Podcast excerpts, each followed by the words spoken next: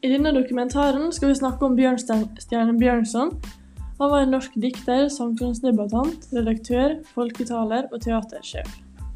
Han ble født på Kvikne 8.12. i 1832 og døde 26.4 i 1910 i Paris. Bjørnson skrev for det meste bondefortellinger, skuespill, poesi, romaner og artikler.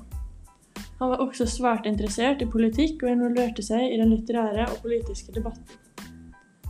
Han hadde et syn på litteratur som var prega av realismen, og mente at litteraturen skulle ha en oppdragende effekt på leseren.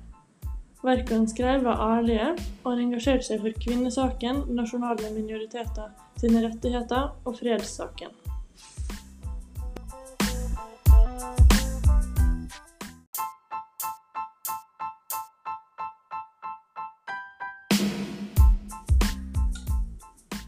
Bjørnsons forfatterdebut kom i 1857 med skuespillet 'Mellom slagene'. I verket hans viste han politisk interesse for nasjonale røtter, men også det moderne samfunnet. Han engasjerte seg for riksmålssaken i Norge. Bjørnson var den første norske som fikk diktergasje fra Stortinget. Diktergasje var en årlig pengesum som den norske staten ga til utvalgte norske kunstnere for fremragende arbeid.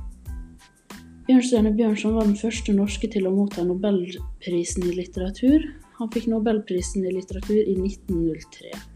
Den 10. desember ble han tildelt prisen i Stockholm av kong Oskar 2. Prisen bestod av en medalje, diplom og en pengepremie. Til å konkludere med var Bjørnstjerne Bjørnson aktiv innen politikk og en litterær sjel som likte å skrive.